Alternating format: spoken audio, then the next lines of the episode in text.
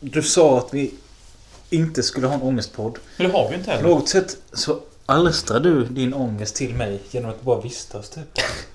Tack. Men du har kommit hit och haft panikångest här i soffan. Men det var ju för att du satte på en underbar jävla jul. Ja, Filmen är ju fan ett nervöst sammanbrott i sig. Kommer du inte ihåg hur glad jag var i bilen innan? Bästa upbeat, hade ashög volym. Snackade en massa bullshit. Jo, jag vet. Nej men vi, vi är glada nu. Alltid.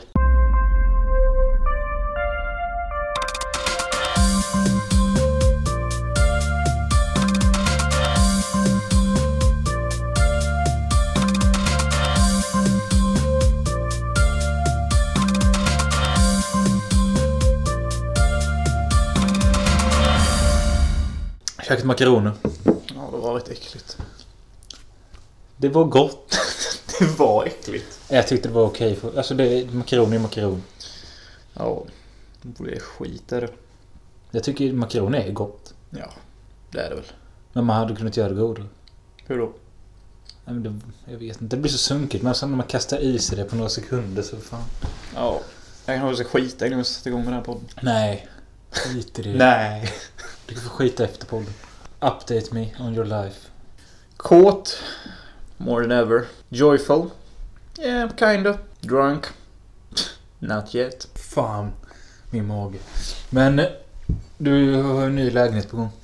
Yes, ny lägenhet på gång. Det ska bli dunder och vrål. Fan mig. Om det uttrycket fortfarande existerar. Och detta gången är det en lägenhet då. Ja, det är en lägenhet, etta, egen toa, eget fucking kokvrå. Fransk balkong till och med. Gött. Vilket är helt fucking insane. Men behandlar den väl då? Ja, det ska jag göra. Och den kommer passa mig perfekt. Och det, var, det är liksom bara ett liksom, stort rum. Liksom. Men, Typ som detta eller? Ja, det är ungefär typ lika stort som det här rummet fast lite större. Tänk dig typ det här rummet plus det kanske. Så det är nog rätt bra etta. För 2 5 i månaden. Au.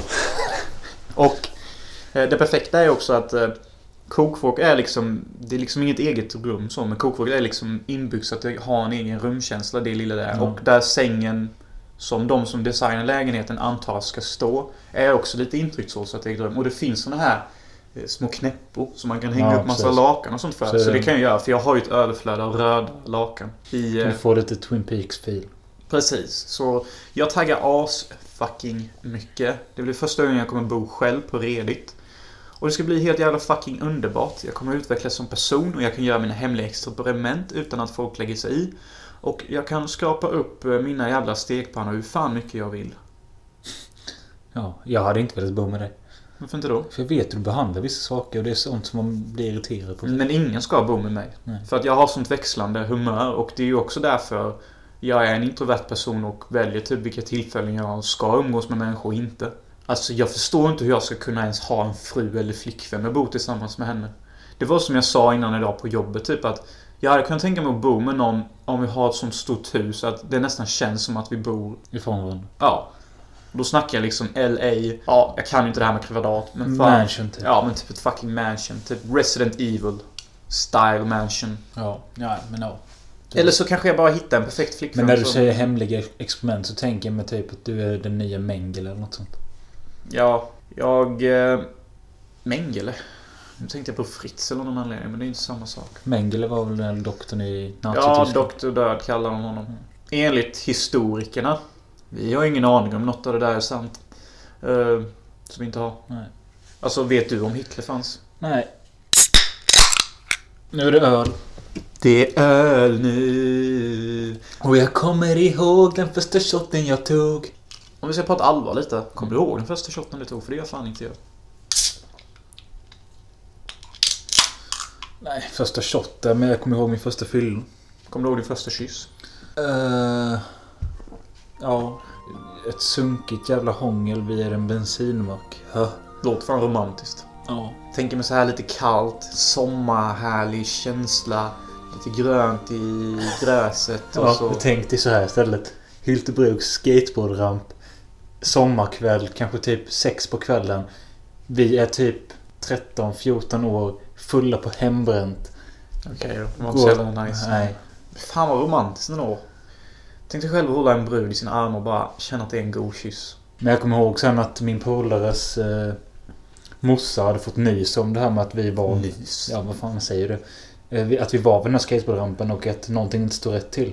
Mölle har hånglat. Nej, men inte det. Men så hon kom ju dit då och... Eh, Tjackad såklart. Det är ju Hylte liksom. ja, nej, hon fattade att... Eh, vad fan, jag har druckit hembränt ju. Håll till tjack ungar. Håll till tjack. Och då vet jag att eh, hon tog med sin son då och mig. Som hon kände ansvar över att Ja. nu ska ni hem era jävla unga typ.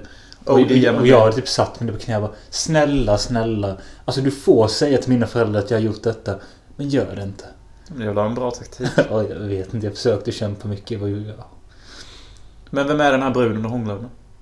Är hon någon god eller? Nej, White Trash Circus. Jag vill aldrig mer se henne typ. Är det därför du är så ångestbeklämmad nu när du kommer till Jag ångest? tänker aldrig på henne. Oh, but you do.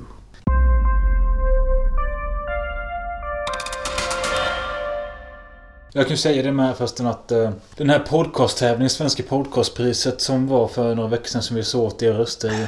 Eh, vi, blev inte, vi blev inte av de fem finalisterna. Tyvärr. Jag, eh, jag känner att det här är riggat typ. Vi borde ju varit eh, i alla fall nummer tre.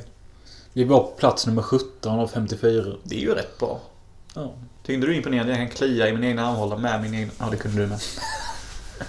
Jonas, eh, vi var nere och handlade innan och han skulle ju, Vi skulle köpa chips och han sa att eh, Estrellas fyra sorters lök, den är så jävla god alltså. Ja, hypade rätt mycket där. Det är fyra och fem i chipsväg. Det är riktigt gott. Jag tvekar, köper den, smakar på den och det är som ett vanligt jävla grillchips. Ja, det... Och nu säger Jonas att det är äckligt. Ja, jag tyckte helt plötsligt det smakade skit. Det är därför jag, jag ska aldrig lita på dig när det kommer till saker. I alla fall inte när det kommer till smaksaker. Är det din mobil som plingar? Ja. Man känner sig lite dåsig och fucked up. Fucked up for show. Så du runkar nu. Jag måste bara knäppa upp på... Ja, nu är det fan... Nu är det fan blandning i buken. Nu har vi haft en paus för att Jonas kollapsar. Jag skulle göra nummer två. Och sen så skulle jag skriva mina memoarer och tänka på hur livet är jävligt gött. Och att alla möjligheter finns framför en och man ska sikta mot stjärnorna. Amen brother! Amen nigga! Teenage Mutant Ninja Ninja Turtles. Teenage Mutant Ninja Ninja Turtles. Turtles, Teenage Mutant Ninja Turtles. Teenage Mutant Ninja Turtles. När jag var mindre så brukade vi alltid göra som en som kunde sjunga snabbast. Jaha. Typ så efter varje gång man sjöng det så var man tvungen till att öka takten. Vem vann? Ska vi göra det nu? Nej, jag orkar inte. Teenage Mutant Ninja Turtles. Teenage Mutant Ninja Turtles. Teenage Mutant Ninja Turtles. Teenage Mutant Ninja Turtles Ja, jättet du får den. Tack. Ja, du var ute igår. Nej men jag måste, tänka, jag måste ta upp en annan favoritlåt jag hade för Mhm. Det är ju denna. Don't be a chicken, be a man. Det har jag hört från dig i tio år, men jag har aldrig fattat var det kommer ifrån. Men det är ju en egen låt vi har gjort, jag och Fredrik. Ja. It's an original för fan. Vad fan trodde du att det var? Don't be a chicken, be a man. Jag vet att jag själv säger det ibland med. Catchy.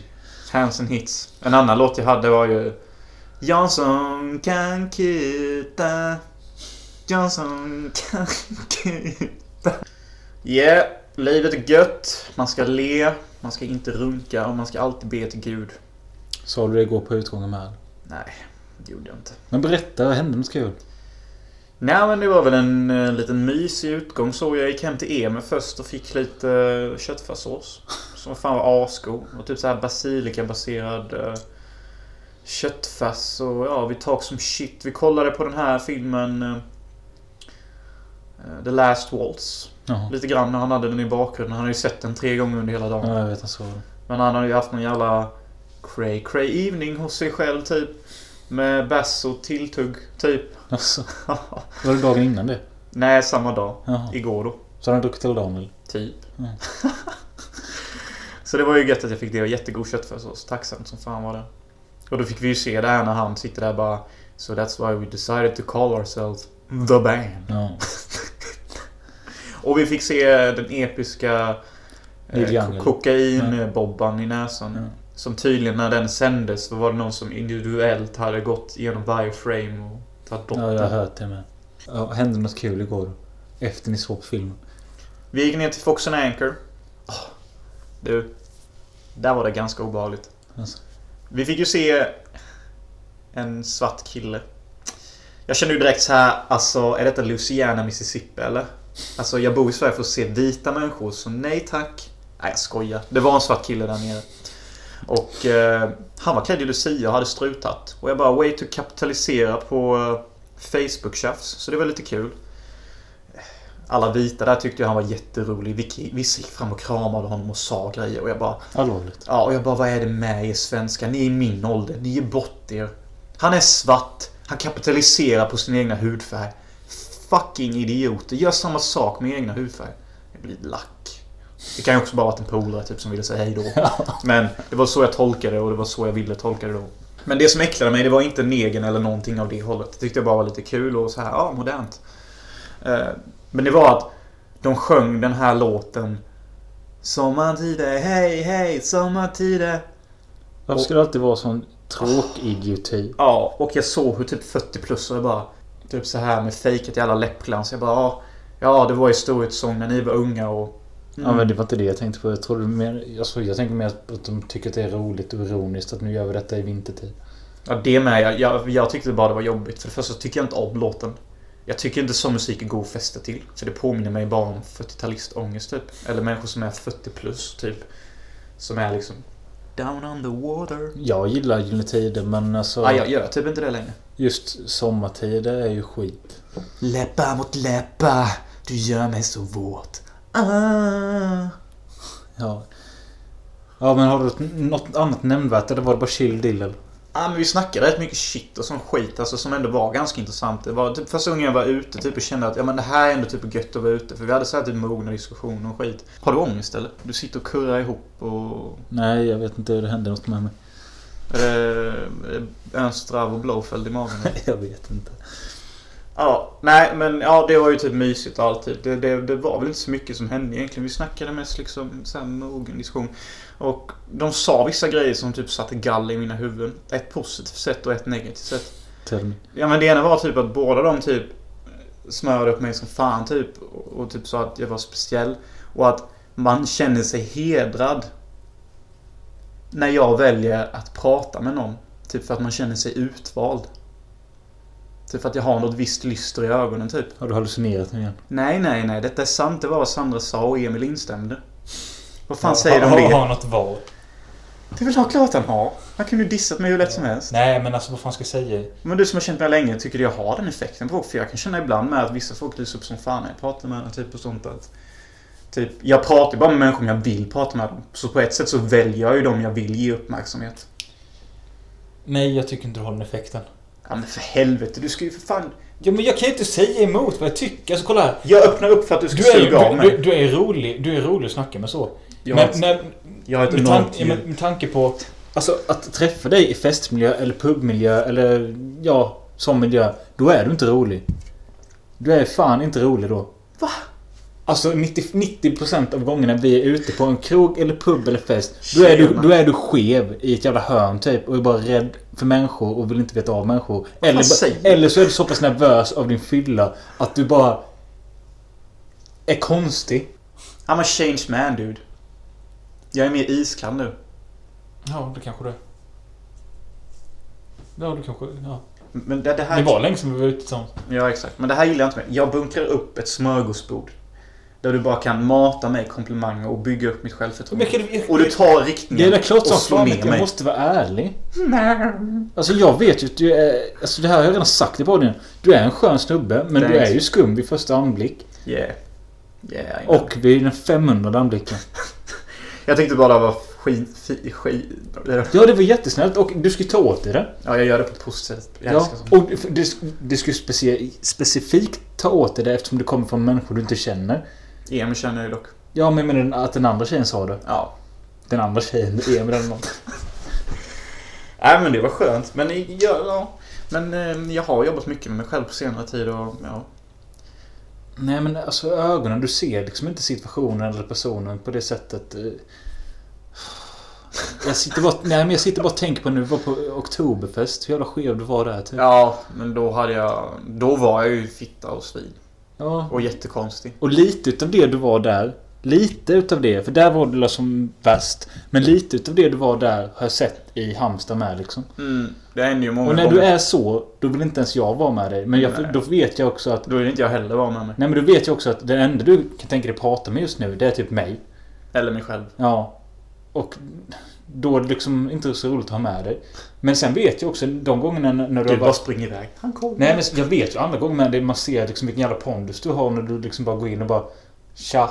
Mm. Och folk blir liksom glada att nu...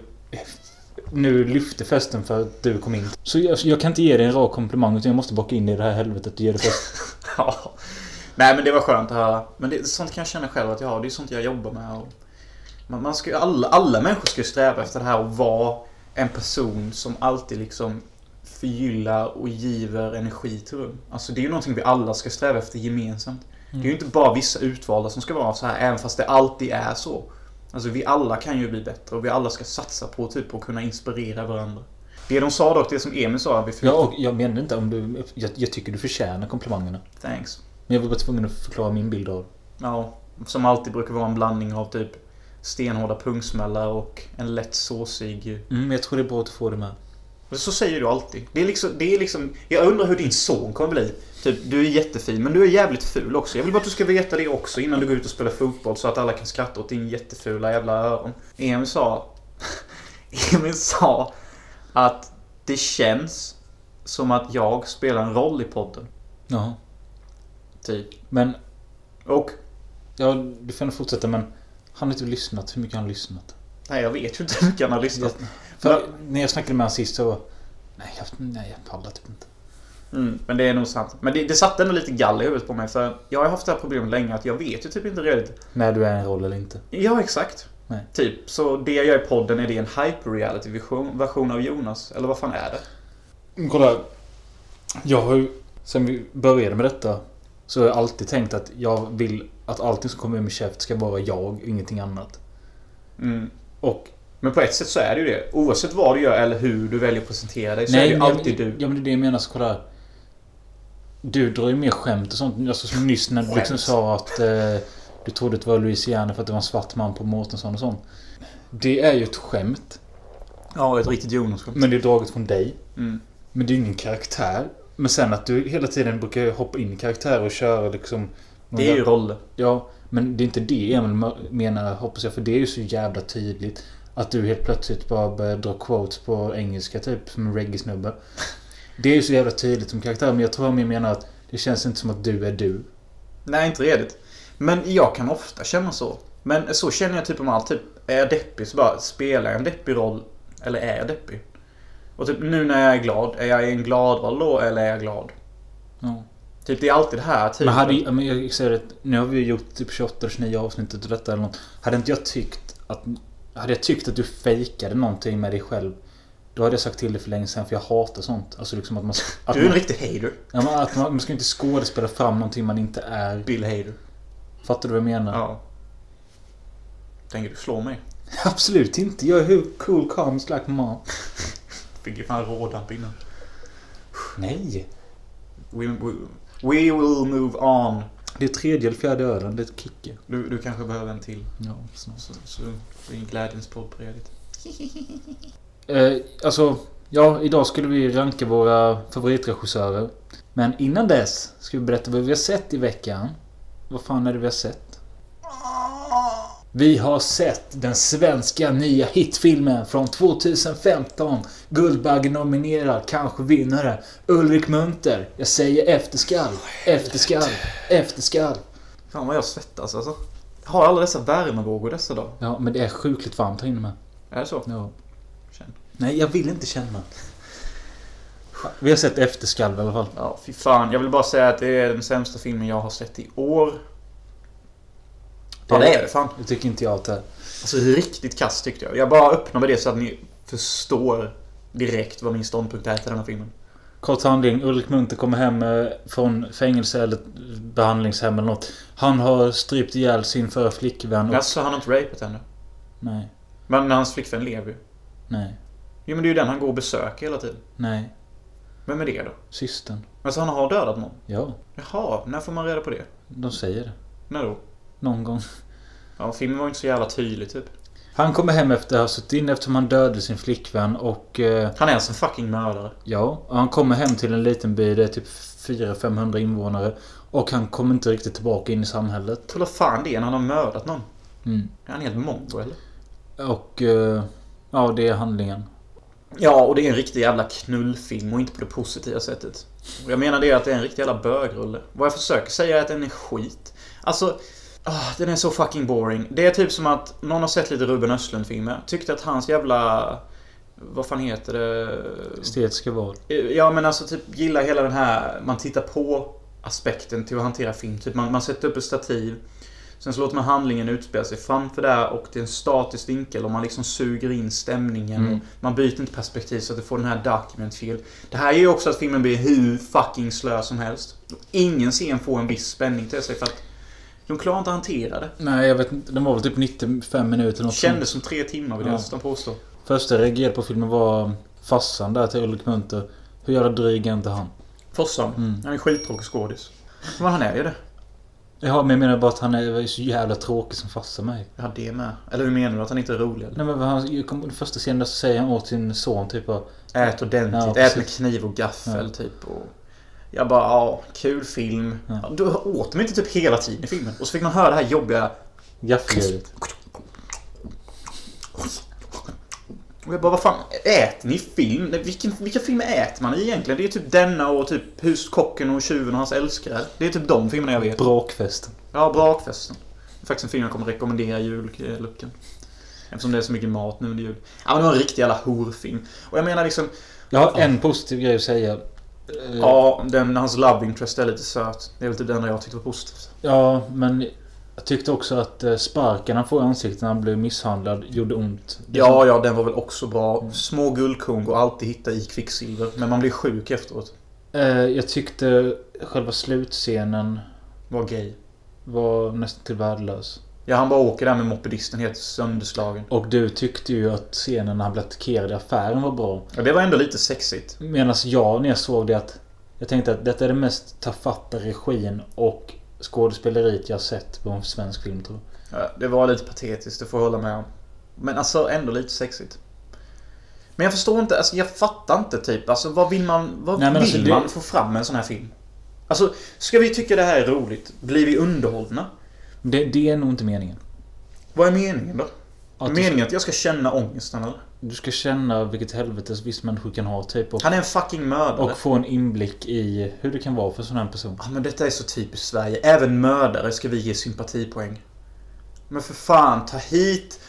Ta hit allihop! Ta hit lite Ja, zigenare. det är typ det jag känner. Ta hit mördare, ta hit talibaner. Vi gör jättegulliga filmer om dem. Ge dem sympatipoäng, ge dem empatipoäng. Sätt dem framför estetiska kameravinklar och statiskt helvete. Och helt plötsligt så har vi en ny hitfilm som får priser i någon det bögfestival. handlar väl också om att man ska kunna förlåta eller något sånt. Förlåta? Tänker fan inte förlåta en mördare. Det är inte så att han har mördat djur eller någonting. Han har faktiskt dödat en människa. Som verkar helt okej. Och hans jävla blekansikte. Han visar ju inga känslor, den här Munter. Det enda gången jag uppskattar hans skådespel det är att han kan ta emot tre örfilar. För det tycker jag ändå är... Ja, det är, det är strångt. Det är sånt man ska göra som skådis. Jag tänkte på det med han som uh, örfilar honom. Mm. Han är mobbaren eller vad man ska säga. Han är ju mobbare. Nej men okej. Han är den enda som har bals Ja i alla fall han eparaggen. The man. Det är nog första gången jag sett i en film där... Nu kallar jag han mobbaren för det blir liksom ändå... Säg inte mobbaren. Säg the man. Okej. Det är första gången jag ser en sån typ av karaktär attackera offret ensam. Offret. Du menar mördaren? Ja, men jag har aldrig sett innan att någon går på någon själv i skolan så. För han är the man. Man brukar alltid ha ett gäng bakom sig. Ja, men kameravinkeln var ju så pass statiskt så vi såg ju faktiskt bara en meter bakom honom. Ja, det så. hade man zoomat ut lite kanske det hans gäng stod där. Men alltså, jag fattar inte heller. Varför den där tajta bruden som ändå blir lite intresserad av honom. Vet inte hon om att han har mördat? Varför är det är just därför hon säger till mig att jag, jag vet inte om det funkar för jag är rädd för dig. Ja, men det tog ju inte bara typ så här 80 minuters speltid av film innan den jävla horan insåg det. Ursäkta att jag sa att du var en hora. Du är en snygg kvinna. Men... ah, Vilken jävla äcklig filmjävel. Och vem har gjort den här filmen? Jag kommer inte ihåg namnet. När jag ser en film om en seriemördare. Alltså, Han var inte seriemördare. på god väg. Alltså jag vet inte vad jag ska säga. Alltså filmen var Alltså- så jävla slö. Alltså jag håller med om det här med att han är mördare och så. Men det finns ju skillnad på mördare och mördare. Ja, ja, ja, ja. Ta hit alla mördare då för fan. Ha ett jävla kramkalas du med dem. Filmen hade inte ens fått släppas typ om det hade handlat om... eh, Ja men som du sa en seriemördare typ. Som ska försöka passa sig in i vanliga samhället. Det här är en kille som har råkat mörda en tjej. Råkat. Ja men jag sa ju... Nej men det är det jag menar. Så, vi säger, Munter. Mynter. Han ser ut som en pojke man slätade av om man var en brud typ. Hur fan kan man köpa att han har mördat någon? men det är just... Varför är han så pervers? för? Det är väl just det att det är en sån vanlig jävla snäll kille som du snappade för. Det kan hända dig imorgon. Yeah. Alltså jag gav faktiskt filmen en tvåa. Ja, skäms. Eh, Jag gav den två på grund av de här små ljusglimtarna som du pratade om. Men jag tycker precis som Jonas att filmen överlag suger kuk. Den suger infekterad jävla aids-kuk. Och Sverige... Måste släppa det här formatet lite. Vadå? Tack, Alltså- tack Möller. Det var det jag skulle komma in på. Det här statiska filmformatet som Ruben Östlund har etablerat och som alla svenskar Men du vet, alltså... efterhärmar. Säg vad man vill om Ruben men... De här... De här... Men hans scener är ju för fan ja, men intressanta. ja men kolla här. Flocken och... Eh, Efterskalv och alla de här... Eh, tjuvheder. De är åt helvete. Nej, tjuvheder är inte likadant. Men typ. Men De försöker de, så ja, men de, ja, men de gör, kör en- ändå inte samma stil. Nej, det var det jag menade. Alltså Ruben har sitt och han har i alla fall intressanta scener som är roliga. För han kommer ju i alla fall från en familj som vi båda typ känner till lite såhär halvt om halvt. Där man har lite så här skadad humor. Det är ju jättekul när de är den där, jag vet inte om det är gitarrmånget eller något, men de är i någon gympasal typ bara Sig, hej, sig, hej. Nej, men nu försöker vi. Vi lyckades nästan. Det är liksom roligt. Ja. Ta och jämför den roliga och gulliga scenen. Liksom fem pojkar i en idrottshall försöker heila melodin i takt. Det är kul. Och så tar vi då efterskalv. En traktor kör fast på en åker. Det regnar. Och det är mulet. Pappa måste springa iväg och hämta sonen för att hämta den andra traktorn. För att ta upp traktorn som kört fast. Under tiden får vi sitta och titta på medan den så kallade då seriemördaren in the making tittar ut över sin tråkiga fucking skitgård. Fem av fem. Ni fattar. Detta är piss. Du som har gjort filmen, hur du ens fick ihop det här jävla mögverket är för mig helt jävla äckligt. Jag skäms över att bo i ett land där vi producerar sån här fucking skit. Ja, shit alltså. Så jävla mycket vad jag... Och jag, jag får såna extrema värmevågor. Jag känner hur svetten bara... Ja, det är helt jävla genombrott under båda Men sluta armbågarna. pilla i det hela tiden. Ja, men jag måste... Jag är fascinerad typ. Jag är helt våt om händerna. Så här arg blir jag när jag ser såna här filmer. Och du vet, det här hade varit fine om denna filmen var från typ eh, Pakistan eller någonting. För att då är det liksom ett annat land. Det är liksom inte vårt land. Utan... Och det är typ att... Det jag också tycker är så jävla äckligt, det är att de som har gjort den här filmen och varit inblandade här. De har säkert fått sina kukar och fittor helt jävla avsugna efteråt. Och typ bara... Ja, det är ett fint verk ni Det är en gjort. viktig film. Det är en viktig film som handlar om att man ska anpassa och även mördare har det ju jobbigt och... Ja... När kommer filmen om en ISIS-terrorist som ångrar sig och kommer tillbaka in i samhället? Är det uppföljaren då eller? Det är ju så här det låter. Jag fick en idé när jag såg filmen om att eh, göra en... Alltså typ lite samma story men inte alls samma utförande fast jag vill göra det med en pedofil istället. Som kommer tillbaka.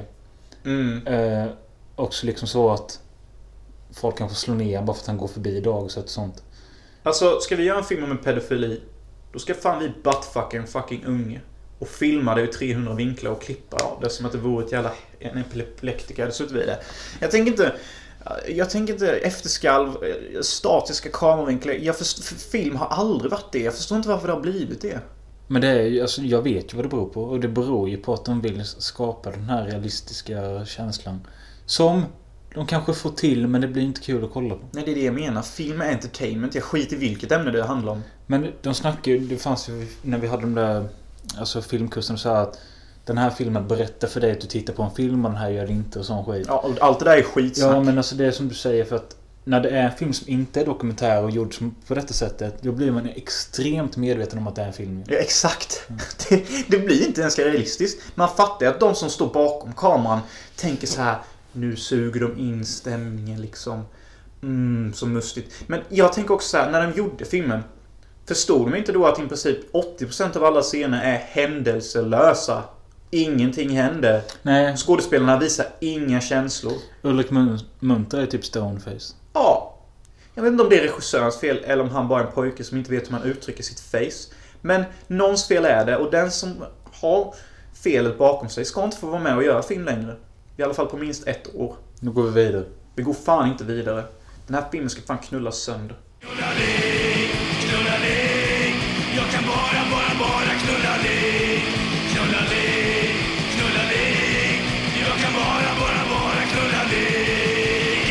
Efterskalv är den minen som jag hade kunnat. Det är den sämsta filmen jag sett i år. Kanske den sämsta filmen jag sett på fem år. Och ni hör ju hur upprörd jag är. Men jag tänkte det...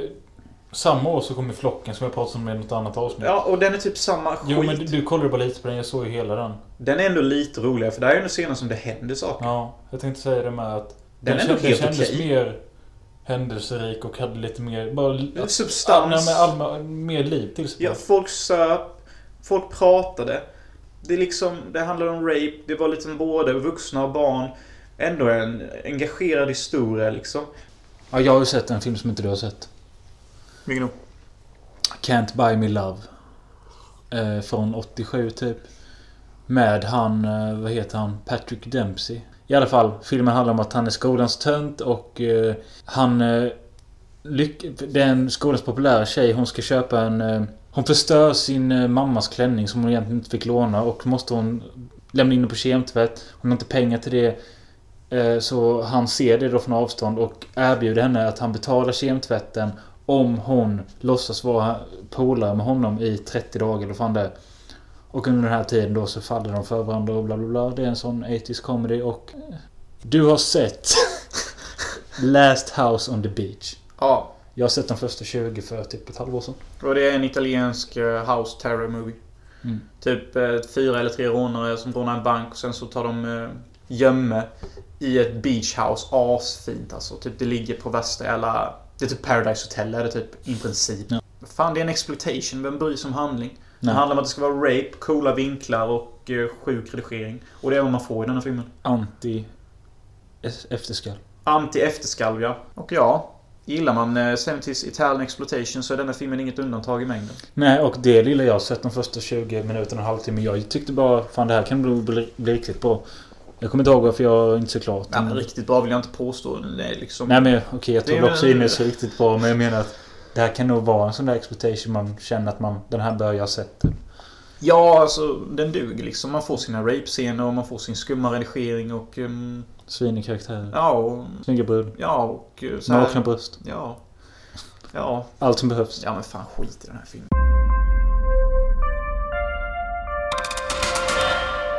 Jag har kondomer med mig om du vill ha.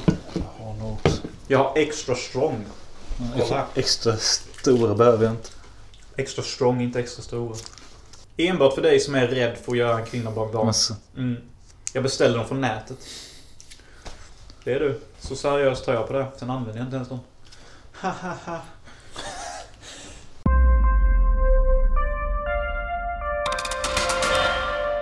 Nu ska vi gå in på våra toppregissörer.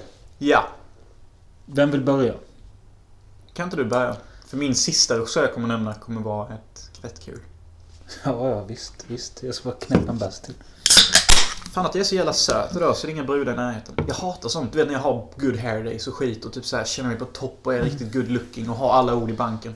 Vi ska ranka våra topp tre regissörer. Ja. Och jag börjar då. Ja. Ska jag börja med en liten motiv- motivation eller ska jag köra det efter? Det är klart du kör motivation först och sen säger du namnet. Så att du bygger upp spänning via din motivation så att jag kanske kan gissa innan. Jaha, okej, okej. Har du skrivit ner din motivation? Nej. Okej, men på plats nummer tre då. Vad ska vi säga där? Eh, Är det ett lude? nej, men den här filmskaparen han... Det är en han alltså. Ja, hans filmer kanske inte är så jävla... Det är inte någonting jag ser om ofta. Men de få gånger jag väl ser det så tycker jag alltid att det är jävligt bra. Jag är alltid taggad för en ny film när det kommer något nytt. Och han behandlar ämnen med ångest och sånt med stor kärlek. Alltså när ska du tatuera in ångest på din ena skinka eller någonting? Nej, alltså det är inte bara ångest han behandlar väl utan alltså naturliga känslor och eh, alltså skeva personligheter och allt sånt här. Tycker jag att han sen fan Get a room. tidigt 90-tal har behandlat väl och... Eh, jag har inte sett alla hans filmer men utav de typ 10 jag sett så tror jag är det sju jag satt fyra på. Han har inte fått någon femma än men det kommer väl vid en omtitt. Personen jag pratar med Lars von Trier. Ja men det är ändå kul. Men alltså okej, du sa nyss varför. Ja men det var ungefär så. Som jag sa. Jag tycker inte hans filmer är så jävla roliga att se om kanske. Alltså det är inte så jävla lätt att sätta sig och glo på Melancholia varannan dag. Jag har ändå stött på Melancholia ett par gånger. Typ så här bara för att ha den i bakgrunden. För jag, typ, jag har alltid gillat hur Lars von Trier filmar exempelvis. Typ, många säger att det är den här dokumentärfeelingen och han säger även det själv. Men jag tycker inte det. Jag tycker det är typ... Det är naturligt och hetsigt är det. Och Men- ha en väldigt fin udd. Men det är lite skillnad typ om man typ tar Idioterna. Den ser ju ut som en... Det är ju en dogmafilm. Den ser hoppig och jävlig ut. Men det är för att just det är dogma. Ja precis. Men det går inte att jämföra den och Antichrist. Alltså i film... Jo Eller- det, det är ju samma liksom det här hoppiga men det är ju inte... Apropå dogma, älskar inte du dogmareglerna? Jo jo. Men du vet, om man inte hade följt dogmareglerna då var man tvungen att skicka in ett brev där man ursäktade sig för alla misstag man gjorde. Mm, det stämmer Och det gjorde de ju till de här idioterna. Och då hade ju Lars von Trier skrivit typ Jag ber högtidligen om ursäkt för att jag utnyttjade ett annat ljus i en viss scen. Vi lät billamporna stå på så jag kunde lysa upp vissa Och jag bara tycker, det här är sjukt häftigt. Det är typ som att man behandlar film som en religion. Det var ju Ja. också det som var meningen. Bara det gör han till en cool snubbe. Jag Liksom, det var han och Thomas Winterberg något till som skapade hela den Ja, rörelsen. det kanske var därför han gick med så mycket på att skriva ursäktsbrev och Ja, sånt. Ja. Men jag menar liksom, de skapade en helt ny genre egentligen. Eller ett nytt sätt att göra film på. Ja, det, det är ju konstigt att man inte gjort det ofta. Typ bara hitta på en rad regler Ja. och sen inspirera folk till att göra det. Men, eh, ja. Sen vet jag alltså... ja, Det... Fan att man inte sett så många dogmafilmer. Men de är svåra att hitta. Mm. Det finns typ så här 60 stycken eller något. Jag ser fortfarande säkert. Ja, jag tror nog... Jag vet att du har sett Julian Donkey Boy. Den tycker du är bra? Den tycker jag är skitbra verkligen. Det är Ja. fan min andra favorit. Festen och Idioterna är bra. Ja, jag kan fan inte komma på några just nu. Festen är väl den som är populärast och det är också den första. Men Ja. den är ju riktigt jävla bra festen. Mm. Alltså den har man ju sett många gånger. Det är en bra bakfyllefilm. Det är en bra förfestfilm. Den duger fan hela tiden. Ja. Men just från Trier då. Jag vet, du var inget fan av Antichrist. Nej, jag ogillar den som fan. Jag har fortfarande svårt att säga vilken jag tycker är bäst av hans den här depressionstrilogin med Antichrist, Melancholia och Nymphomaniac. Jag vet inte riktigt Det är nog Melancholia för min del. Ja, jag tror typ det med. Men Tycker jag... Nymphomaniac är lite väl... eh, Lite väl predikande typ kanske.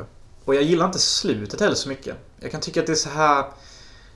Det är lite så här Trier kände han var tvungen att vara så triig av sig. Och så blev det typ så himla förutsägbart. För när jag satt där i biografen, jag visste typ att det skulle hända redan innan du visste Nej. det. Alltså jag var inte förvånad alls. Nej. Jag gäspade nästan när det hände för att jag tänkte ja, Trier var Trier. Mm. Wow, big. Men jag... Men in, inget illa med Trier. Jag tycker filmen är skitbra för mig. Alltså, det, är, det är nästan ett mästerverk vill jag påstå. Det är jättefint. Han har fått ihop hela historien och allting är skitväl skrivet och... Det är intressant. Jag tycker också att Riket är jävligt bra om man ska bara orka ta sig igenom det typ. Ja. Ja. Du har väl sett halva serien eller något sånt? Ja jag har sett hela. Ja. Det har jag. Nej, jag tycker nog inte om det så jävla mycket. Det är, det är kul ibland men jag tycker typ det är lite utdraget. Och... Jag tyckte Dogville var skitbra men jag klarade inte av att se klart Mandalay. Nej men hon är ingen bra skådespelerska Nej. i den filmen. Nej. Eh, Bryce Dallas Howard. Jag har bara tyckt om henne i Jurassic World. Men vi kan inte prata så länge om alla. Men kör du din nummer tre. Min nummer tre. Och min motivation, jag kan egentligen säga min motivation för min motivation är densamma till alla. Så jag säger det nu. De här regissörerna jag kommer nämna är inte nödvändigtvis de som gjort de bästa filmerna än, eller har gjort i närheten till att vara någon av mina direkta favoritfilmer eller någonting. Utan jag har valt alla de här regissörerna på grund av deras ideologi inför film och hur de har valt att hantera hela filmskapande Ja. projektet. Liksom, jag har uppskattat deras attityd. Och det är därför jag valt dem. Så först ut som nummer tre kanske inte kommer som någons förvåning till de som har lyssnat noga eller känner mig. Kan du kanske till och med gissa det? Yes Franco. Nej. Nej. Lucifer Valentine. Jaha. Skaparen bakom Vomitgore quadriologin. Ja, det finns faktiskt en fjärde. Kommer på nu. Black Mass of the Super Nazi Wizard eller Ah. sånt. Den titeln. Men det är liksom hela det här Vomitgore-trilogin som är hans kändaste verk då. Vi kan gå in på vad fan det är lite snabbt va? Kan du det? Ja, alltså det... det behandlar en kvinna som heter Angela och som har bulimi och vi får i fyra filmer se följa henne när hon spyr. Ja, det är ju den ytliga Ja. beskrivningen. Eh, Den djupa beskrivningen om man går in och läser handlingen på IMDB är ju helt fucked up.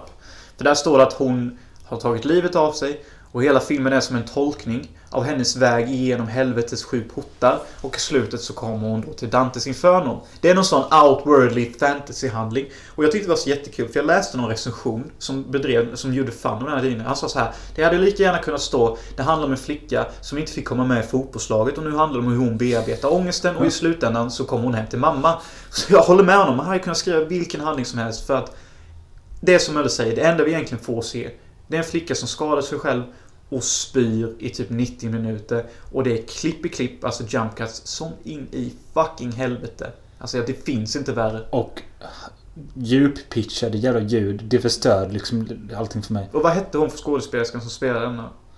Hon hette Angela på redigt eller något. Ja, kanske. Var inte hon någon strippa eller något? Exakt. Och det är här jag kommer in till jag tycker det är ett sånt intressant regissör och attityd till film. För att han liksom hade någon DV-kamera hemma och ville bara göra en äcklig liten bulimifilm. För att han är... Han är, jag vet inte vad det kallas, men han tänder på spyor i alla fall. Ja. Det är liksom en sån sexuell läggning han har. Och den här flickan då som skådespelar huvudrollen. Hon hade bara kommit hem till honom någon dag och typ gråtit som en katt överlämnad och typ sa ta in mig, ta in mig. Och då hade regissören sagt så här. Ja, jag tar in dig och du får leva med mig. För hon hade precis blivit utkickad av sina föräldrar. Hon var väl 18 eller någonting. Inget hem, ingen plan, ingenting. Och han sa så här. Ja, du får bo hos mig. Om du går med på exakt allt jag säger. Och du måste göra det framför en kamera.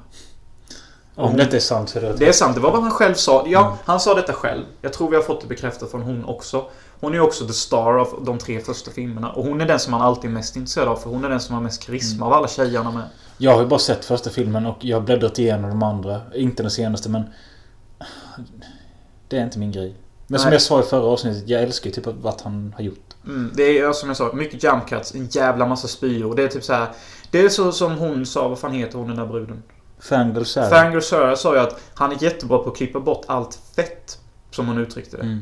För han, han trimmar sina filmer så jävla mycket så att det är liksom så här. Så fort det är någon sekund av uttråkning eller någonting som Dirty. inte är roligt så är det liksom bortklippt. Så att han hoppar direkt från socker till socker till socker till socker. Typ alltså, han bara gör godiskaka på godiskaka på godiskaka fast då äckliga grejer. Det kan vara att någon gör någon ful min, säger en rolig grej, spyr, klöker sig. Så typ om hon sitter och typ matar sin mun i en kvart. Då klipper han bort det så att det låter så här. Typ. Vilket vi också gjorde i Stjärnorna lite. Exakt. Så stor inspiration. Jag älskar killen. Men alltså innan vi lämnar honom så jag måste ju säga att jag tycker också han är grym men det är främst på grund av Black Metal Veins. Black Metal Veins är ju ett mästerverk. Det är ju en 5 av 5 film och det är ju en dokumentär om typ sju knarkare som bor i risigaste lägenheten. Som hela tiden kritiseras över sin äkthet. Men jag skiter lite i det. Ja, och det är typ så här åtta jävla heroinpundar som sprutar i och vi har en risig jävla brud som bara blir risigare och risigare. I slutet ser hon ut som döden själv Ja. och hon tar precis och sprutar i sig hur mycket heroin som helst och sen så ligger hon med en kille och det är ren jävla död. Och det är ju någon kille som berättar en historia med hans fossa. Spärrade upp honom. Och alla första gången jag up. Ja, alla de första gången jag såg filmen så skrattade jag åt det. Mm. Sen så förstod jag vad det handlade om och då handlade det om en historia typ om att han satt i bilen med sin fossa och sen så drog hans fossa ut honom på gatan och spöade upp honom på gatan. Men så som Lucifer har klippt det så låter det typ så här. He took me out of the car, fucked me the fuck up, I fucking ran, he fucked me and I got fucking beaten. Typ, och man kan typ inte ta det seriöst när det klipps som om någon jävla dampkille har suttit och klippt Men det blir ju underhållande. Ja, det är som någon jävla hip-hip-produktion goes fucking hardcore. Och jag Typ. säger det, vissa saker måste ju vara stageade där. Alltså, och det skiter lite i men majoriteten måste ändå vara äkta. För jag har till och med kollat upp någon av karaktärerna efteråt och det är ju real, real trash liksom. Ja, Och Han, huvudpersonen de följer, han är ändå rätt karismatisk och Ja. lugn och så. Typ berättar I chose this lifestyle, you know. Och jag gillar också eh, som Lucifer Valentine hur han behandlar sina skådisar. Visst, han säger så här: Du får bo hos mig så länge jag får utnyttja dig till vad fan som helst till min kamera. För att han tänder på spyor. Fair guy. Men han säger också så här, du vet efter han fick göra Black Metal Vance, då skrev han också så här. Tack så hemskt mycket för att jag fick ta del av er mörkhet och fick vara och fånga den på film 24-7. Mm. Så han är ändå en tacksam och ödmjuk person. jag har fortfarande inte sett The Perfect Child of Satan men jag vill se den. Många säger den är skitbra. Och jag såg ju Nazi Black Wizard som var den fjärde filmen i Vomit-trilogin. Den sticker ut lite mer från de tre första. De tre första är mer straightforward. Eh, Det är, man, typ så här, de slaktar mycket och skär av huvuden och spy.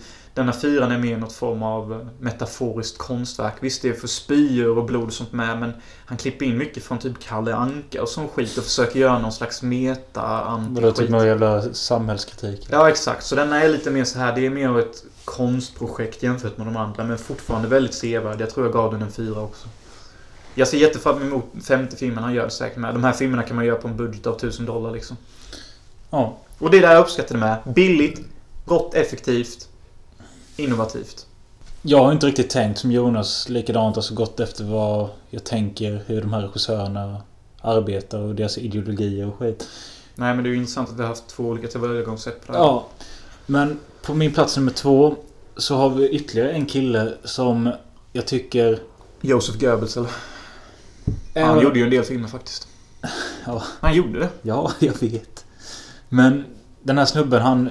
Han har ganska stor variation på sina typer av filmer. Men det gemensamma är att de alltid har en välskriven dialog. Och det är alltså Richard Linklater jag pratar om. Min första introduktion till honom tror jag var School of Rock, vilket ingen tror att han har gjort. Men- Nej, det tror fan inte jag heller när du säger det.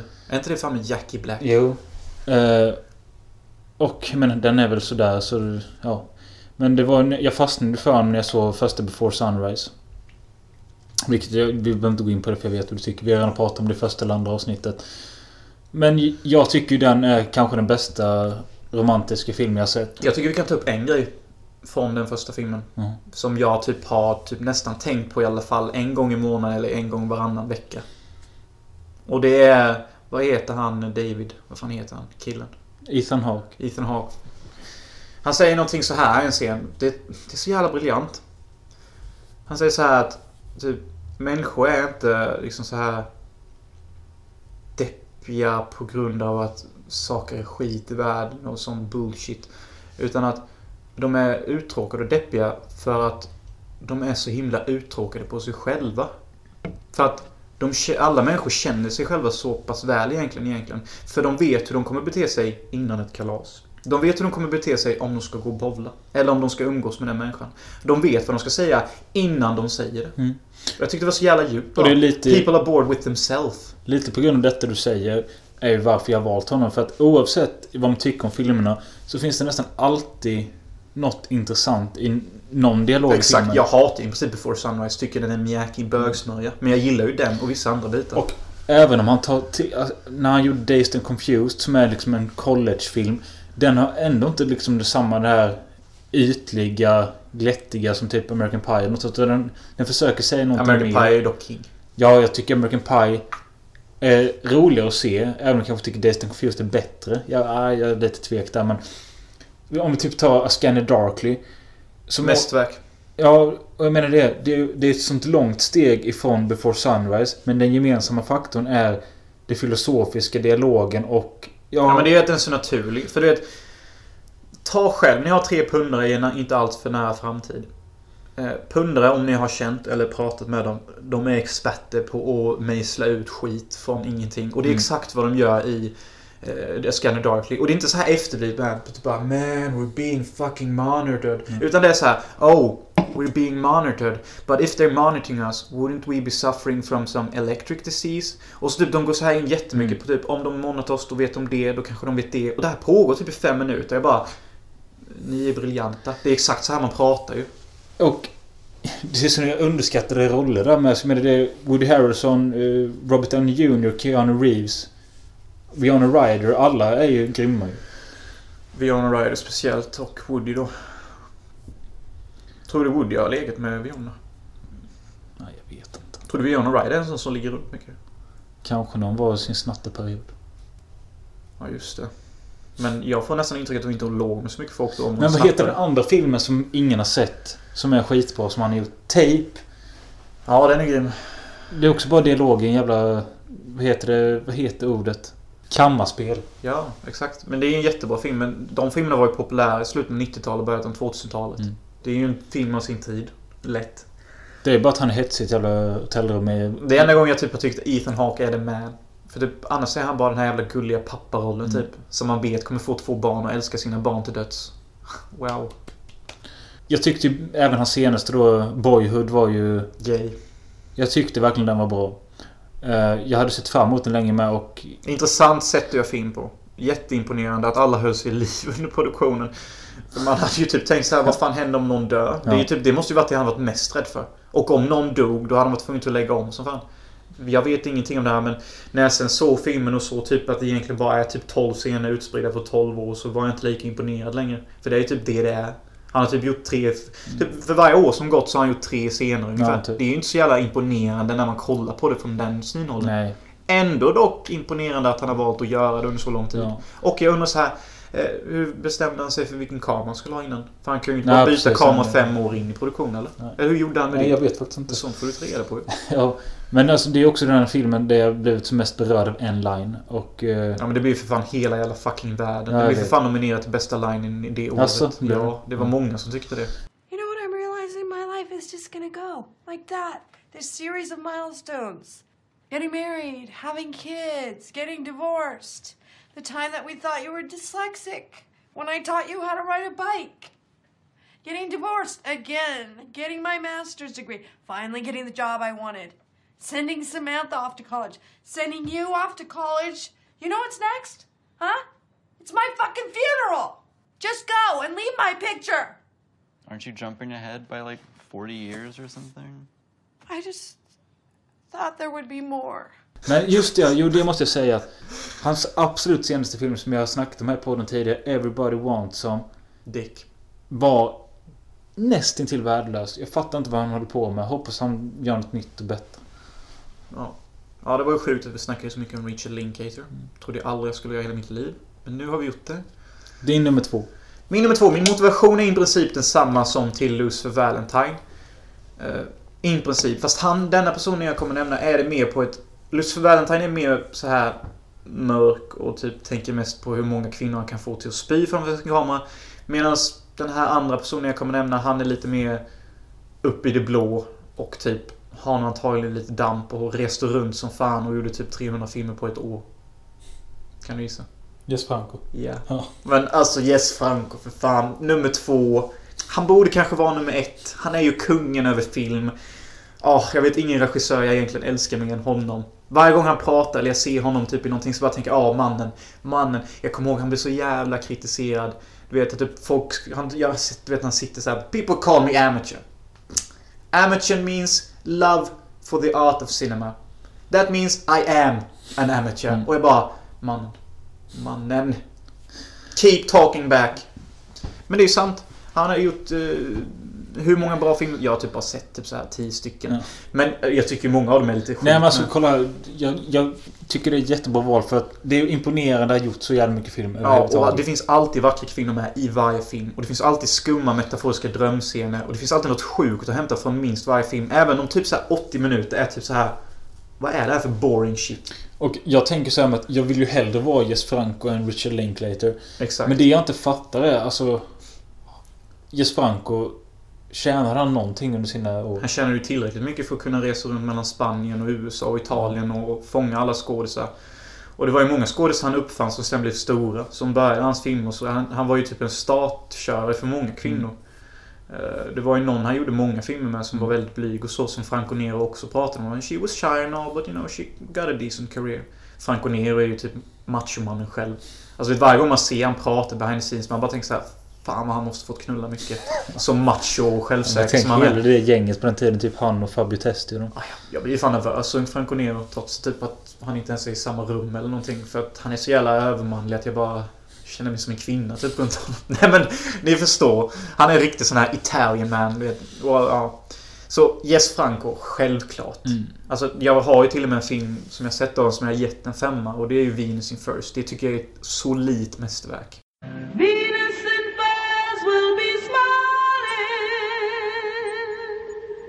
Jag skulle nog säga att det är den bästa jag sett utav honom. Ja, den är ju skit. Följt av Islad Wicked Warden tror jag. Ja, den gillar jag inte så mycket. Faktiskt. Men... Ja men sen så det, jag har bara hört typ så här kvinnorna, typ så här de skådisarna jag jobbat med och sånt när de har berättat om hans regi. Det är ju bara någonting jag inte kan undgå från att inte älska. För typ det, det är typ som jag kanske sagt i andra poddar. Typ han har sagt så han har satt upp en kamera i något jävla billigt inrett rum med lakan och typ dålig ljussättning. Så bara, ja men lägg du kräla på den bruden. Det har med att du försöker finna dina drömmar i din andra kvinnas fitta. Och ja, bara gör lite så filmar jag dig. Du behöver inte bry dig om det. Så klipper jag ihop det sen.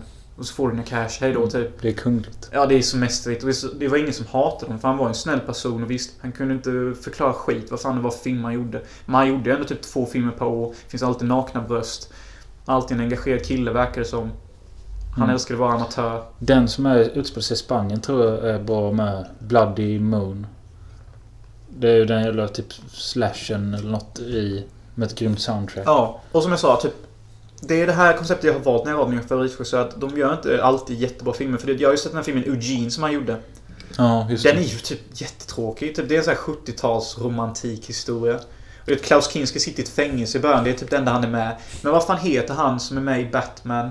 Eh, han är också med i... Ja, jag vet. Jack Palance. Ja, Jack Palance. Snyggt. Tack. Eh, det finns ju någon scen. Han är typ någon neurotisk sektledare i den. Och det gick en jävla massa stark rykten om att Jack Palance var full som fan. Och det märks Jaså. typ när man ser filmen. För de tio minuterna Jack Palance är med där i slutet. Han är ju helt väck. My friends?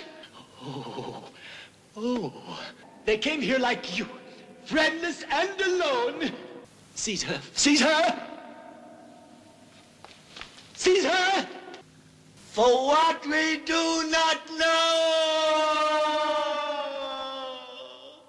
Alltså Jess Franco, jag har för mig att han har berättat om det och sagt att typ Ja, vi hade ett manus men det är ingenting om det ni ser på film. För att, han är ju helt sjuk i de scenerna. Han bara, han bara skriker och flänger med armarna och typ så man bara Hur väck är du typ? Men jag tror han hade, jag tror han var hög på svamp till och med här för mig någon sa. Och det, det märks. Det är så jävla häftigt att vara med på sån inspelning. Ja men exakt. Och det, det är därför jag har valt de här regissörerna jag har valt. För att de har varit med på sådana inspelningar. På grund av deras ideologi bakom att göra film.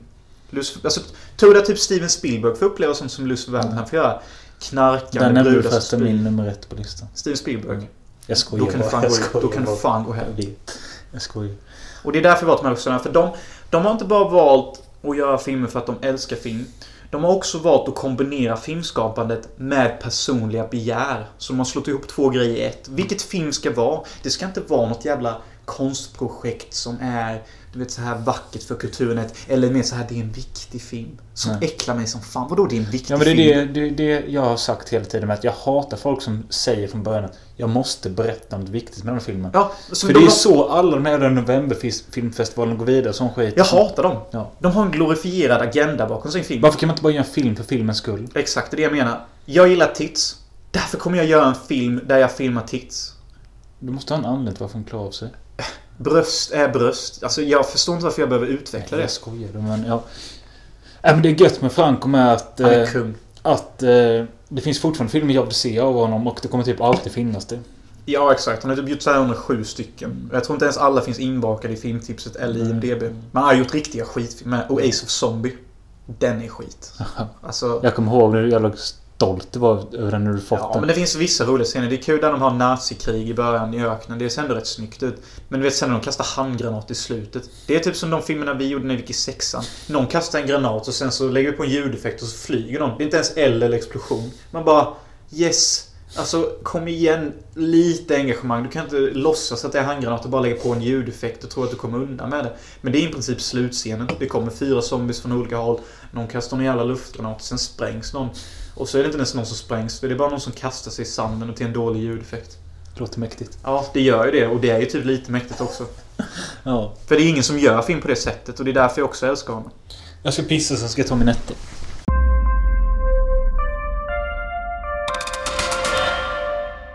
Jag är redo med min nummer ett. Jag har ingen aning vad fan det kan vara. Nej, inte jag heller. Nej, men äh, återigen lite samma anledning som förra.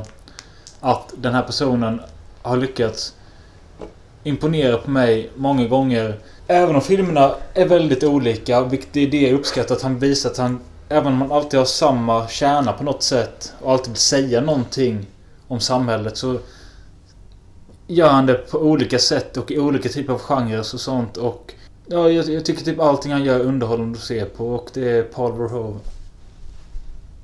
Jävlar. Ja, jag blev fan lite förvånad ändå. Jag tycker han är skitbra. Ehm, just Nej men alltså jag, jag tänkte på det så ända sen första gången jag var liten såg Starship Troopers. Jag var ju fan helt jävla såld på skiten. Ja men det var ju alla 90-talister. Eller alla som föddes på 90-talet eller 92 älskade ju Starship Troopers. Och det gör vi ju fortfarande. Ja, jag tror inte du är så stort fan av Basic Instincts men jag tyckte Nej. den var riktigt bra när jag såg den här. Jag tycker den är lite död. Jag var kåt i Sharon Stone, kanske ja, var ja, därför. ja. Fan. En kvinna som är snygg. Det är väl klart man är kåt. Nej men... Men eh, varför Pölverhoven? Du, Va? Varför det? Nej men alltså jag bara satt och grunnade och kollade igenom mitt film. Du snackar ju typ aldrig väl om honom. Vill ta upp honom. Du, du nämner typ Nej, jag turkisk snackar- konfekt typ. Ja men det, är ju det, det är ju enligt mig fortfarande hans bästa film. Gå ut. Nej, varför det? Den är fantastisk. Eh, Ska du vara här får du gå ut. ja, ja. Då får jag väl gå ut då. Ja, ja. Turkisk konfekt, söt film. Jag har själv gett den en fyra så jag fattar inte varför vi dissar det så mycket för det. Jag har gett den en femma. Uh, Someone needs ja, men jag menar Robocop. Total Recall. Har du sett Toto? Ja, ja. Toto. Showgirls. Spetters. Spetters är underskattat som fan. Ja, och Jag tycker den är lite elak. Men det är också det som är meningen typ. Ja. Ja, alla är ju svin i den filmen. Ja. Men just Showgirls som liksom vann pris för årets sämsta film och sånt. Det kanske inte är en av hans bättre men Jag den, tycker den är skitbra. Jag, älskar ju jag, fan jag har gett den en fyra med. Ja, jag med. Jag älskar Elizabeth Thurkleys rolltolkning. Den här överdrivna hetsrollen. Som att hon är med i någon burleskshow hela tiden. Jag vet att liksom det de gör är burlesk så hennes rolltolkning kanske var någonting som att hon är sån som person så därför så smyger sig sånt in i hennes privatliv eller någonting. För det är ju verkligen over the top hela tiden. Men den är också ganska elak men de försöker sabotera för varandra. Jag älskar också det här Brown Rice and Water Baby. Men hela tiden alltså hans... eh, Are your nipples hard? Hans... Till skillnad från typ, vad ska vi säga? Menar, Pout your nipples. Hans underhållande sätt att göra satir på och göra de här jävla samhällskritiska videorna, propagandafilmerna blir ju roliga att se samtidigt som man inte Man sitter ju inte där i soffan och bara "Ah, jag ska inte ta upp detta. Utan han gör det på ett sånt roligt sätt ju. Ja, han trycker in samhällskritiken så att den ska vara skitkul. Ja. Och jag kan ju säga den här linen Would you like to know more? Mm. För alla i min ålder och alla kommer skratta typ. För alla kom ihåg just den radioröstpropaganda i Från Starship Starship Troopers. Troopers. Ja, alla kommer ihåg det. Det är ingen som glömmer bort det. Men du vet, det där är ju med redan i Robocop med. Det, de har ju sådana videos där med. Eller Mm. reklam-tv och skit som visar Ja, men det är inte lika in your face. I, i Starship Troopers är det ju liksom... Det kommer ju titt som tätt. Det är ju som nästan en, sån här, en påminnelse om hur världen fungerar. Det är ju liksom som ett slags... Det är skitbra. Den öppnar ju med det. Are you doing your part? I'm doing my part. Den där lilla ungen. typ. Ja. The school kids are doing their part. Are you doing yours? Och sen jag menar, jag blev inte helt såld den gången jag såg Total Recall men... Alltså när jag tänker efter på actionscener och sånt. Det är ju as... Actionscenerna. actionscenerna. Alltså hur jävla blodigt och slafsigt och det är liksom... Det är ju effekt på actionen som händer och det är ju bra gjort alltså. Red Foreman är fan the main bad guy i Robocop. Det kan ju inte bli en... Och så jävla köttad som han blir. Det är ju ingen film som gör sånt längre. Nej, det är ju typ PG nu. eh, Så, ja. Ja, jag fattar Jag, inte. jag hörde något med om att Paul Verhovens vision... När han, när han gjorde sina filmer i Holland då, alltså Turkisk konfekt och de här. Sen då de skulle få jobb i Hollywood. Så var hans dröm att göra den första filmen med en eh, eh, erigerad penis. Mm. Eh, Det var, han ville verkligen vara den första filmen som skulle ha det. Det skulle vara Total Recall för det var hans första film. Men Förstår antingen så var det att det blev bortklippt eller så var det att Arnold inte ville göra det eller något sånt. Jag vet inte. Tenta. Se. Det är en bra regissör. Vill trycka det på gränserna. Vad det jag gillar med alla de här exploitation-regissörerna som filmade djur som blev dödade på riktigt sånt. Det är ju det här film är. Pusha gränser. Kött och blod är den jag är mest taggad på. Det är med Rutger Hauer och jävla slafs-action. Och en flicka vid namn Katja som om prostitution på, i Holland. Ja, det, var, det ser mysigt ut. Fan. Ja, men jag... Jag var... Så Paul Verhoeven är din favoritregissör? Det måste du vara då, för du tog han som nummer ett. Ja, och jag säger inte emot det heller. För att eh, jag har kommit på det att... Du pratar mer om Linklater än Verhoeven, ni vet vad? Ja, men Linklater har inte gjort lika många bra typ. Och han är inte lika... Alltså även om jag tyck, pratar med om honom. Det är väl för att jag... Det var länge sedan jag såg någonting av Verhoeven. Det är inte ofta jag kollar på det. Nu har ändå Linklater varit aktuell ett tag här nu med Before Sunrise-trilogin som kom Mm. sista. Och, Och det här kan alltså stå Verhoeven är före alla när det kommer till PK-skit. men jag fan, måste nämna med hans nya film som heter L. Med den väldigt duktiga skådespelerskan eh, Isabel Hubbard. Eh, Why don't you marry her? Du älskar ju henne i Pianisten. I know. I know. Men det är för att jag gillar såna kvinnor. Ja, nej men den tror jag kan vara bra med. Den vill jag se. Mm. Ja, men jag får väl säga att han är min favorit, favoritregissör. Jag kan säga mina två bubblor innan du kör din ultimata etta. Mina två bubblor som jag, eftersom jag skrev topp 5 först och du sa topp 3, de är skalade av där nere. Det var David Lynch. På grund av att... Han borde fan varit med på din lista. Som, Nej, som du älskar för honom. att där har vi problemet att jag älskar Twin Peaks. Jag har gett en femma till Blue Velvet. Men Mulholland Drive och de här andra filmerna de är liksom lite för jobbiga för att jag ska ge honom ett sånt högt betyg. För liksom... Jag har tänkt många gånger att jag ska se om Mulholland Drive eller Lost Highway eller något sånt skit. Men, eller Inland Empire för den delen. Men det tar liksom emot. För jag vet att du sitter där två och en halv timme och jag vet inte om jag kommer bli hjärnknullad eller inte. Jag vet inte om jag pallar. Även om jag tycker filmerna är bra. I know. Så därför åkte han ner ett hack. Eh, Stackars Lynch. och eh, den femte var Lucio Fulci. The man. Eh, och anledningen till att jag puttade bort honom det var för att jag tycker han gjort så jävla mycket grymma filmer. Men alla filmer lider av samma sak. Att de har sega partier. Och det gör att filmerna som en helhet blir inte ultimat. Du menar Lucci? Ja. Ja men Lucci för Lucci typ spelar in sina filmer medan han går på sömnpiller typ. För alltså jag har alltid haft lätt för att somna till hans filmer. Den där, vad fan heter den? Seven Death Notes, såna, vad fan heter den? The Psychic. The Psychic, jag heter den på engelska. Den filmen försökte jag ju se sju gånger under ett helt år. Och jag somnade alltid 20 minuter in typ. Det- Varje gång. det De, de fyra sista gångerna, eller tre sista gångerna jag försökte se filmen, då använde jag den enbart för att somna. Och lyckades typ. Det är helt stört. Typ. Men det är det jag säger, varje film han gör går att somna till. Mm. För att de har den här, typ även när det händer grejer eller action typ så så, så är pacen fortfarande detsamma som att de har ett vanligt samtal. Du vet, I vanliga actionfilmer så är det så här, typ att det blir liksom hög musik, det klipps fortare, man känner en viss udd i scenen. Inte i film- filmer. Då är det typ som att, eh, vänta, det är typ zombie-action nu men de kunde ju lika väl kunna sitta vid fiket och prata. Typ, för det är typ samma pace på det. Och jag tycker det är sjukt intressant. Och det är därför alla hans filmer är liksom, det är därför han som regissör också sticker ut. Jag tycker att hans eh, bästa film är Beyond och eh, Four of the Apocalypse. Mm, ja, jag vill ju säga att Four of the Apocalypse är definitivt hans bästa. Den filmen bevisar ju klart och helhjärtat att han har ett hjärta. Det är en jättefin film. Är det. Man kunde ha en podd enbart om den och jag har alltid älskat den sen jag köpte den. Och jag hatar den jävlen där jag först fann den filmen. För det var en spagettivästern-sida. Han hade bara rankat så här 100 spagettivästern-filmer. Jag kommer ihåg du visade mig den sidan för många gånger. Ja, och han hade ett rangsystem. Typ så här, antingen kunde han ge dem 100% eller så kunde han ge dem 0% och så allt däremellan. Så det var ju många filmer som låg på 67%, 50%. Och vad, vad hade Four of the Apocalypse i procent av 100?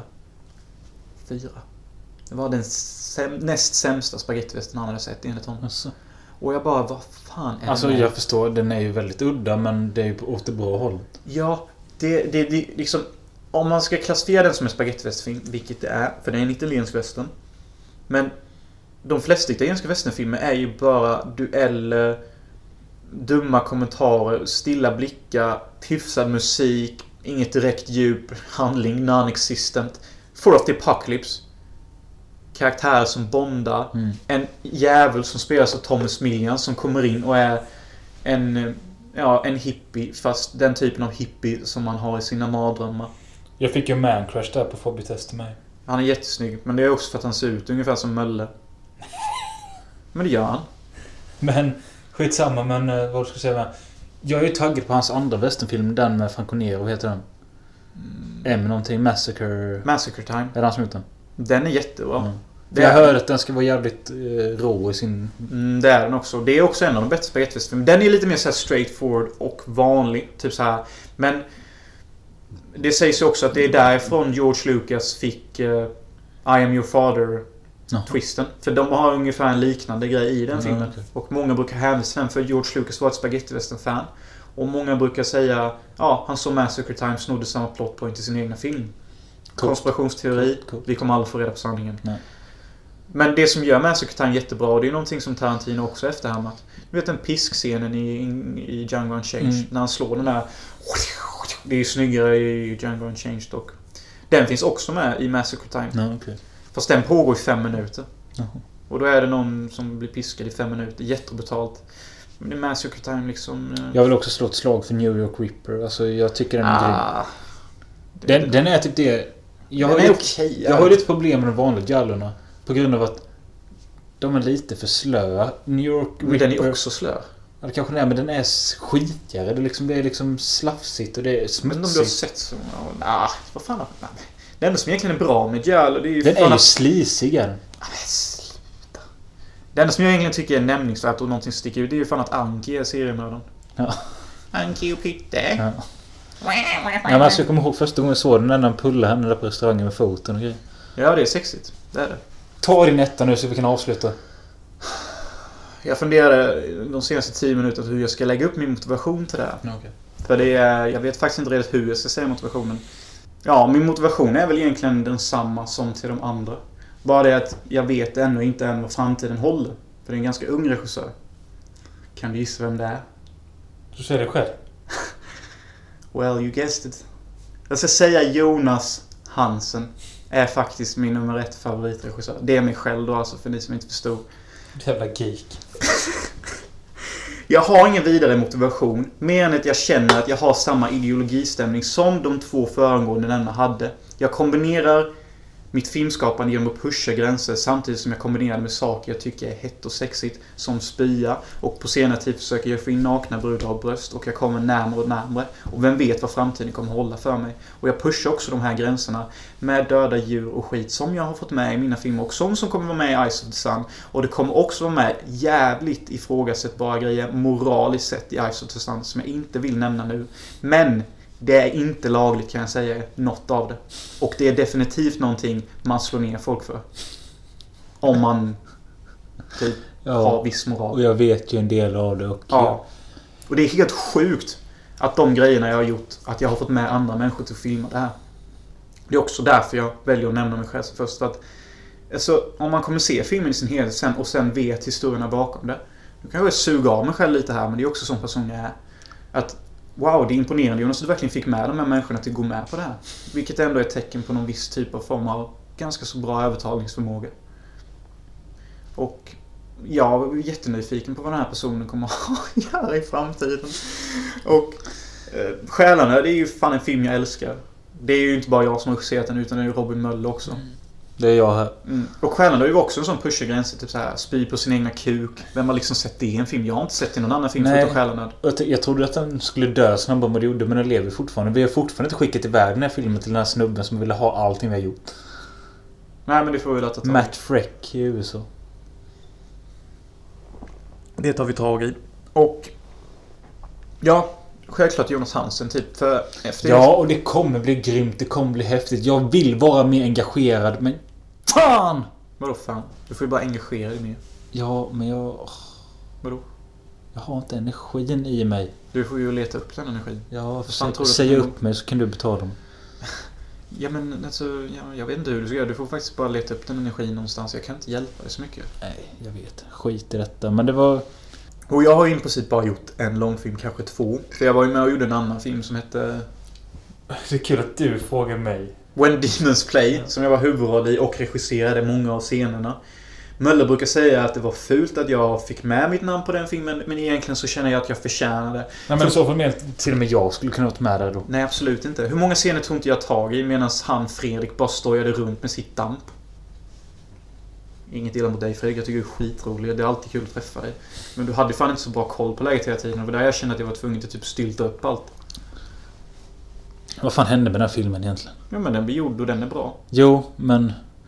Det här med att den skulle klippas om och läggas ut och allt sånt. Ah, det togs aldrig riktigt tag i. Nej, jag så- funderar till och med på att göra det, men jag kan inte göra det utan råmaterial. Nej, jag har inte fått råmaterialet än heller så... Men sen så blev han lärare och skit och typ ville liksom lägga filmskaparen åt sidan. Vilket jag tyckte var synd. För han klippte ju fan ihop hela den här filmen på typ två dygn. Mm. Vilket är jätteduktigt. Mm. I alla fall när den ändå var så pass välredigerad som den Ja, var. och den här tog ändå 70 minuter. Ja, och det fanns ju ändå vissa scener som enbart var konstklippning. Som brukar ta längre tid. Som också är typ höjdpunkten i filmen. Ja, exakt. Och sån skit tar liksom inte ett dygn att klippa. Det tar fan en vecka. Mm. Och han bara gjorde det under en hel natt. Så jag förstår inte. Alltså jag gav honom jättemånga komplimanger efter. Typ slog han på axeln bara skitbra redigerat. fanns vissa grejer som sög men överlag typ 4 av 5 typ. Men Men då vill han gå och bli filmlärare. Jag tänker Någonting. främst på matlagningsscener och sånt. Ja. Dun, dun, dun, dun. Dun, Jag- dun, dun, dun, dun, dun. Dun, dun, dun. Jag kan melodin fortfarande. Nej men Jonas Hansen. eh, han kommer bli ett stort namn i framtiden. Jag lovar er. Han pushar gränserna. Och efter, jag, jag tänker hela tiden så här på, efter varje scen jag gör. Typ, bara, hur kan jag pusha gränserna mer? Vad kan jag göra nästa gång? Liksom, vad kommer bli det nästa? Typ? Det skulle inte förvåna mig om jag blir den första människan som filmar faktiskt en person som blir skjuten på redet eller någonting. Och sen väljer jag att klippa med det i min film. Jag har ju fantiserat någon gång bli arresterad i alla fall. Mm, Alltså det, för att man har skapat någonting. Exakt. Och det finns faktiskt vissa scener som jag ska spela in till den här filmen som kanske kommer leda till att jag blir arresterad. Samtidigt som jag spelar in den. Men det är också inplanerat i scenen. Så det är det här jag menar med pusha gränserna typ och sån skit. Och, Det är kul. Det blir typ nästa Los Vilks. Typ att man har de högsta securityn på sig i hela Sverige. ja, kanske inte jättekul. Men jag menar bara det att... eh, Ja, nej men jag måste ju ändå säga mig själv. För att jag lever ju ändå med mig själv hela tiden. Det är rätt kul med, med att både du, främst du, gillar ju... Vad Både, gör alltså Mölle? Sluta. Ja, förlåt. Men både du och jag, främst du, gillar ju provocera och gillar kontroversiella grejer och sånt.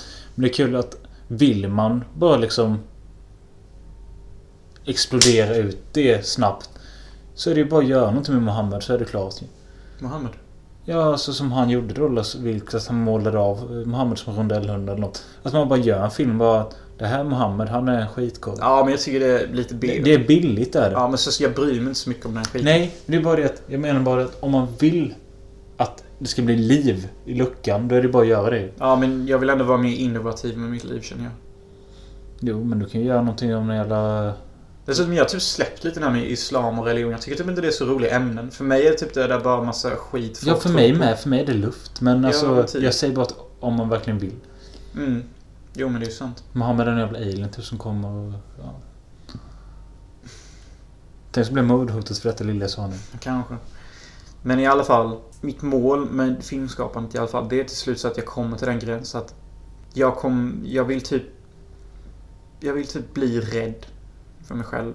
Vad nästa steg antagligen måste bli för att man liksom ska förhöja sig själv. Jag är inte rädd där än, men det kommer ju komma om jag får fortsätta göra film. Och det ska bli väldigt intressant när det ögonblicket kommer. Och det kommer bli så här. Ska jag ta steget? Jag ska inte ta steget. Antagligen. Du är ju typ real life Nightcrawler. Ja, men lite så. Typ, det, det, jag kommer ju bli tvungen till att välja någon gång om jag ska fortsätta utöka min personlighet i en viss riktning eller backa tillbaka. Antagligen kommer jag inte backa tillbaka för jag kommer se det som självmord. För så är det. Om man inte agerar på det man vill inom sig, då tar själen ett steg tillbaka och du dör långsammare. Det är det jag önskar att många människor visste om. Och det är exakt detta som kommer spelas upp i rättssalen om 15 år. När det ligger tre döda kinesiska flickor under en ritual.